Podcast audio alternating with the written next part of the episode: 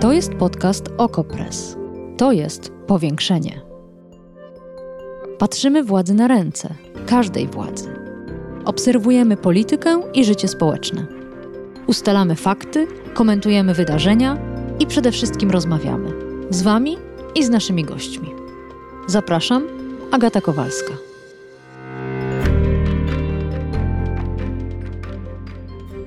Były poseł Adam Hoffman, poseł Zbigniew Giżyński, były minister Dawid Jackiewicz, Robert Pietryszyn, Adam Burak, Bartłomiej Misiewicz, były dziennikarz Sławomir Jastrzębowski, Radosław Tadajewski i były agent CBA Piotr S. Agencja R4S, spółki Skarbu Państwa takie jak Orlen, Lotos, Tauron, KGHM, LOT, PZU i inne, Polska Fundacja Narodowa, Ministerstwo Obrony, jakiś generał, Operacja Argon i przecieki z CBA, a na koniec jeszcze Andrzej Duda i jego kampania wyborcza. To tylko wyimki z publikacji Okopres, Fundacji Reporterów i Gazety Wyborczej na temat tak zwanego Układu Wrocławskiego. W głowie się kręci od tych nazwisk i od tych powiązań. Pytanie najważniejsze, gdzie tu jest afera?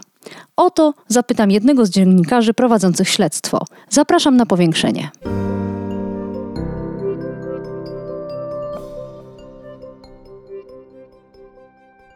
A naszym gościem jest Sebastian Klauziński, jeden z dziennikarzy Okopres, jeden z autorów cyklu o Układzie Wrocławskim. Dzień dobry. Dzień dobry.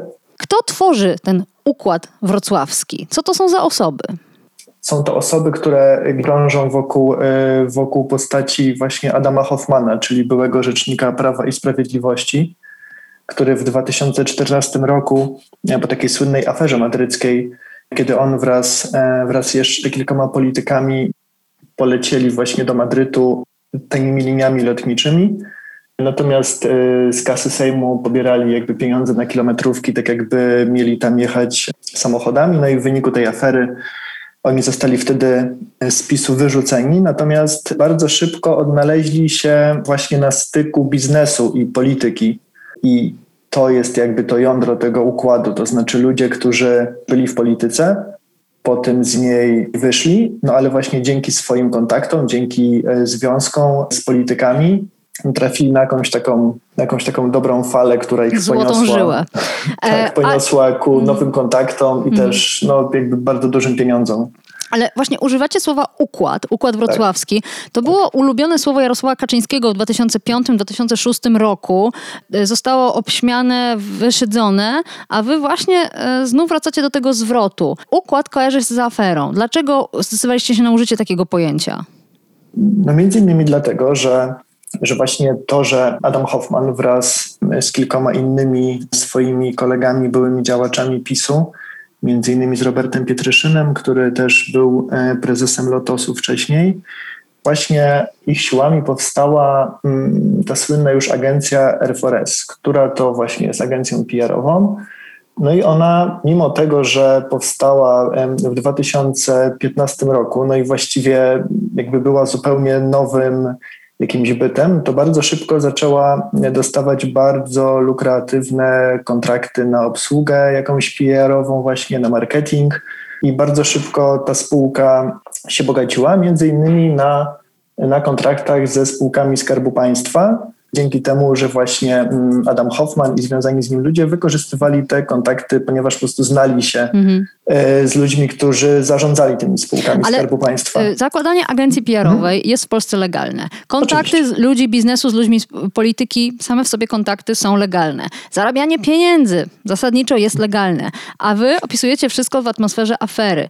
No właśnie, tutaj e, aferą, czy tym, co rzeczywiście jakoś tam e, powinno zapalić lampki os, ostrzegawcze, no i zapaliło w CBA, było właśnie to, że jakby było to po prostu to jakby wykorzystywanie tych, e, tych swoich politycznych kontaktów do załatwiania po prostu kontraktów biznesowych e, dla tej agencji R4S. Właśnie dlatego Centralne Biuro Antykorupcyjne rozpoczęło taką operację o pseudonimie Argon, i właśnie w 2016 roku e, delegatura wrocławska tego biura zaczęła, znaczy bo jakby większość bohaterów jest właśnie e, z Wrocławia, zaczęła e, po prostu badać te różne związki między agencją R4S, a właśnie między innymi spółkami Skarbu Państwa, czy między politykami.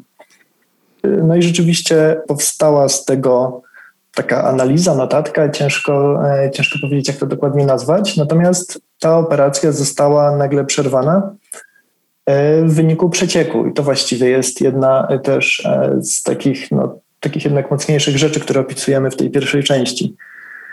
I właśnie w tej części też opisujemy, że rzeczywiście mm, mamy takie podejrzenia, że mm, osoba odpowiedzialna za ten przeciek, wieloletni agent CBA, też, też dołączyliśmy go jakby e, w poczet ludzi tego układu, ponieważ on, e, ta osoba jest dobrym znajomym kilku osób mm, z tego układu.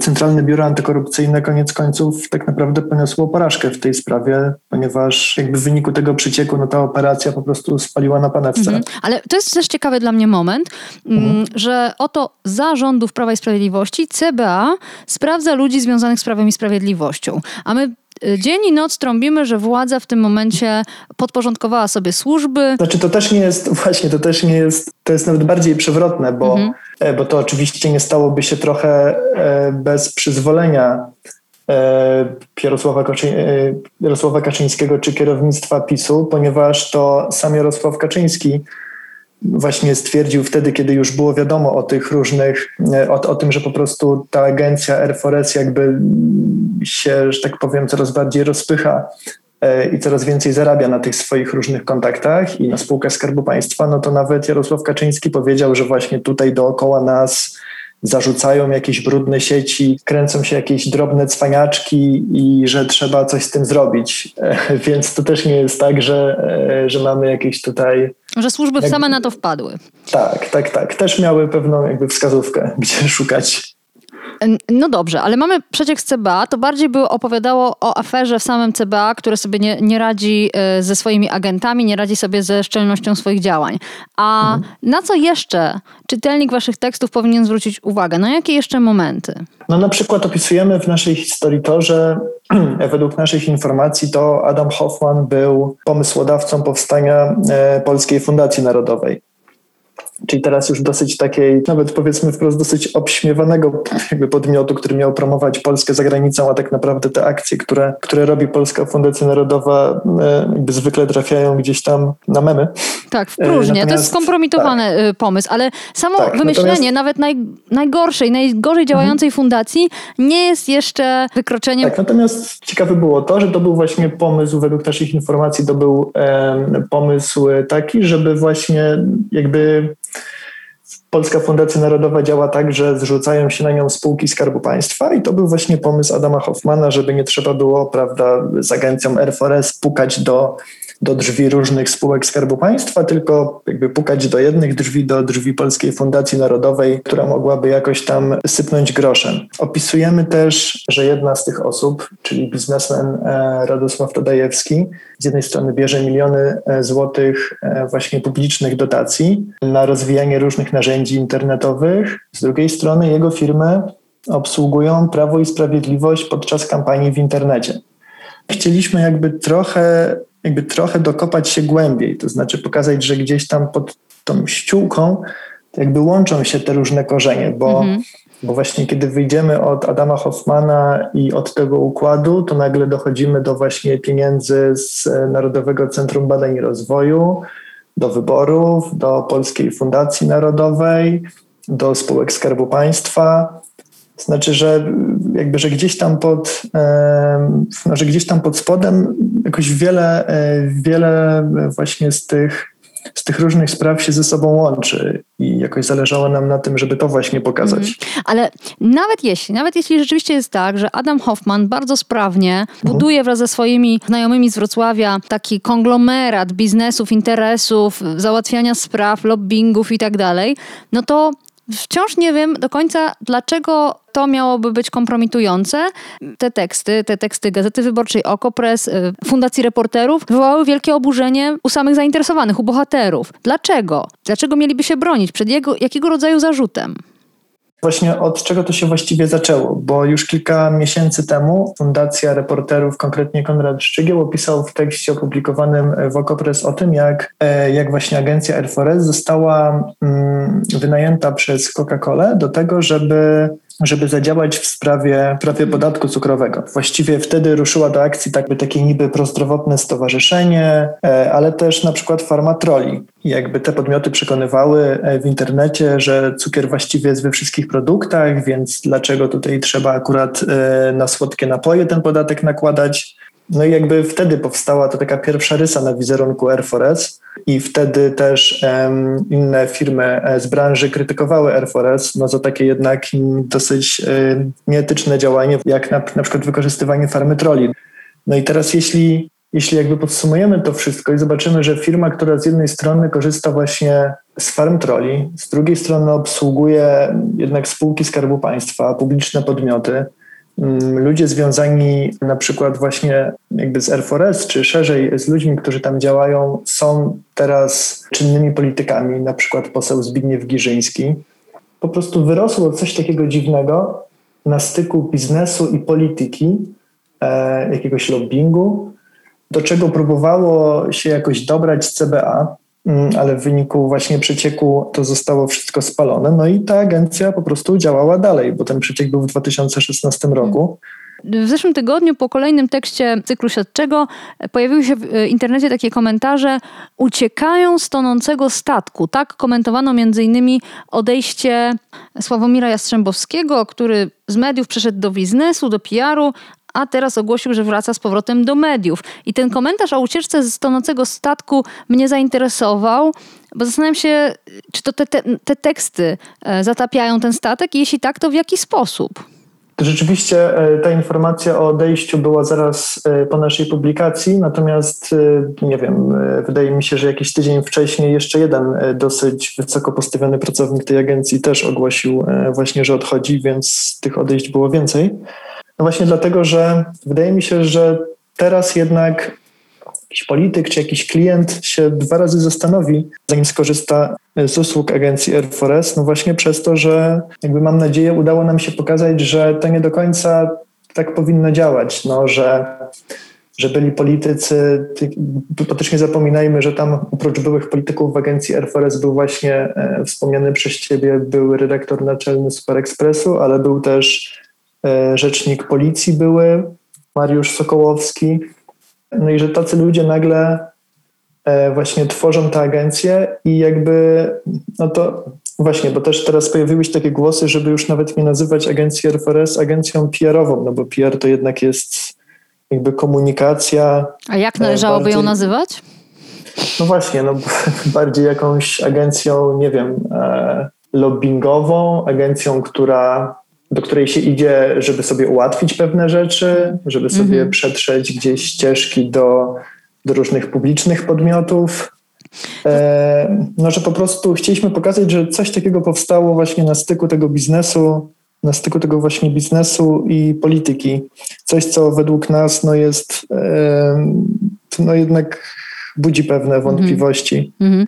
A zastanawiam się, czy były e, reakcje na ten tekst e, wśród służb, czy CBA, prokuratura może się zgłosiły prośbą o pomoc w śledztwie, a może adwokatura zaczęła prowadzić postępowania dyscyplinarne wobec adwokatów, którzy, jak piszecie w tekstach, e, prowadzą podwójne kariery, jednocześnie obsługując tych, którzy następnie załatwiają im miejsca w jakichś radach nadzorczych i tak dalej. Czy którakolwiek zareagowała, zaczęła działać? Nic mi na ten temat nie wiadomo. A dlaczego to, to budzi twój mhm. uśmiech, to moje pytanie? Czy to jest aż tak absurdalne? No byłoby miło, gdyby, gdyby rzeczywiście jakiś podmiot zareagował mhm. na te nasze publikacje. Natomiast wiem tylko, że w Centralnym Biurze Antykorupcyjnym ten pierwszy tekst przynajmniej, ten tekst dotyczący przecieku, no był jakimś takim, przynajmniej wśród jakichś szeregowych funkcjonariuszy, E, był jakoś tam pozytywnie odebrany, no, że jakby pokazaliśmy, że oni tutaj robili dobrą robotę, tylko że, no, że ten przeciek im wszystko spalił. Hmm. no świetnie. Więc to, co do reakcji, to, to na razie cieszy, taka. To, to, to cieszy, rzeczywiście. Są też e, dosyć e, paskudne reakcje, tak bym je nazwała. Do redakcji trafiają groźby procesów, sami dziennikarze, autorzy tekstów są atakowani, dyskredytowani. O czym to świadczy? Dlatego, że jeśli były pracownik agencji PR-owej, zachowuje się w ten sposób w internecie. Myślę akurat o Jas Sławomirze Jastrzębowskim. E, mhm. trochę jak taki podwórkowy chuligan, co tam zaczepia przechodzących spokojnie ludzi. No to, no to o czymś to musi świadczyć. Zdenerwowali się? Rzeczywiście te reakcje to jest, to jest jakaś osobna historia, ponieważ E, jakby te reakcje są z jednej strony zrozumiałe, no bo psujemy wielu osobom, które po prostu czerpały z tego bardzo duże zyski e, i bardzo dużo zarabiały na swoim działaniu, tak naprawdę psujemy im interesy. A te reakcje rzeczywiście były bardzo ciekawe, to znaczy one szły jakby dwutorowo, ponieważ agencja Air Force i związani z nią ludzie jakby grali jednocześnie dobrego i złego policjanta. Mhm. Ponieważ e, na, na samym początku Adam Hoffman e, właśnie zapraszał tutaj naszych, e, naszych dziennikarzy. Ja akurat jakby nie gościłem w ich siedzibie, ale tam była Bianka Mikołajewska, był Konrad Szczygieł, czyli właśnie współautor tutaj naszych tekstów. No i to właśnie przebiegało dosyć w taki właśnie sposób, że najpierw oni tutaj prawda, nas zapraszają, pokazują, że tu zupełnie nie ma niczego złego w ich działalności, po prostu udają takich właściwie nawet takich kumpli, poklepią po plecach. No a jeśli to nie działa, no to potem e, zaraz potem prawnik po prostu przysyła, przysyła pismo jakby e, w odpowiedzi na zadane przez nas pytania. E, właśnie dostajemy odpowiedź od prawnika, który straszy nas od razu e, sądem i też e, to też było bardzo ciekawe, ponieważ agencja Air Force podała nas do prokuratury. E, jeszcze zanim jakakolwiek publikacja mm, się ukazała. Mm -hmm. To było bardzo ciekawe. A jaki był zarzut? Jakby zarzut był taki, że, że wysłaliśmy zniesławiające pytania między innymi. Ach, zniesławiające pytania. To jest taki nowy, tak. nowy element w życiu dziennikarza. Można nie napisać nie tyle zniesławiający tekst, co, co wysłać zniesławiające pytania. Tak, trzeba uważać już na, już na etapie wysyłania pytań, mm -hmm. żeby, żeby nie narazić się czyjegoś wizerunku. Te, te no, zniesławiające natomiast... pytania są opublikowane na portalu Okopres, więc można każdy po swojemu ocenić ich poziom agresji i zniesławienia. Tak, więc z jednej strony mieliśmy rzeczywiście prawdziwy szturm, e, szturm prawników, ponieważ my jakby te pytania, no właśnie z, jakby z rzetelności dziennikarskiej wysyłaliśmy do wielu podmiotów, które się tam w naszych tekstach pojawiają, czy do wielu osób i rzeczywiście zalew później pozwów, e, czy jakby gruźb E, groźb tych pozwów był bardzo duży. No i właśnie z drugiej strony zaczęły się też te takie działania, takie właśnie jakieś półoficjalne, to znaczy to jakieś różne zaczepki w mediach społecznościowych, ale też to, co opisujemy w jednym z naszych tekstów, to znaczy, że nagle na przykład do redaktora naczelnego Okopres odezwał się stary znajomy, który tutaj niby chciał właśnie zapytać o poradę, bo on być może e, będzie pracował w tej spółce Air Forest. No a potem się okazało, że on tak naprawdę chciał chciał się dowiedzieć, o czym, my pisz, o czym my piszemy. I rzeczywiście te próby ale dotarcia... To takie, przepraszam, ale jak na wielką agencję PR, która współpracuje ze wszystkimi, to mało sprytne są te manewry. Tak, rzeczywiście liczyliśmy na więcej. E, liczyliśmy na jakieś bardziej e, wyrafinowane sposoby e, wyłuskania tych informacji. No ale to właśnie było coś takiego, że rzeczywiście do, e, z nami też próbowali się kontaktować różni ludzie z otoczenia e, tej agencji Air Forest, którzy tak niby po przyjacielsku chcieli tak trochę właśnie podpytać, czy to będzie takie bardzo mocne, czy mało mocne, a ile to w skali tak od 1 do 10 to będzie. Rzeczywiście te próby były dosyć, były dosyć zabawne. To zawsze można ich odesłać do publikacji na portalu OkoPress i tak, tak, zachęcić do lektury. E, państwa też odsyłam do lektury. Trzyodcinkowy cykl na portalu OkoPress mogą Państwo śledzić. Jest też do, dodatek specjalny dla chętnych, czyli tekst o tym, jak, jakie ataki przeprowadzane są na dziennikarzy zajmujących się tym śledztwem. E, jeden z nich, Sebastian Klauziński, był Państwa i moim gościem. Bardzo dziękuję za to spotkanie. Dziękuję bardzo. Powiększenie. Podcast Okopres. Prowadzenie Agata Kowalska. Podcast znajdziesz na stronie Okopres i w Twojej ulubionej aplikacji do podcastów. Redakcja Okopres działa od 2016 roku. Jesteśmy obywatelskim narzędziem kontroli władzy, obecnej i każdej następnej. Okopres utrzymuje się z Waszych darowizn. Wesprzyj nas, byśmy mogli działać dalej.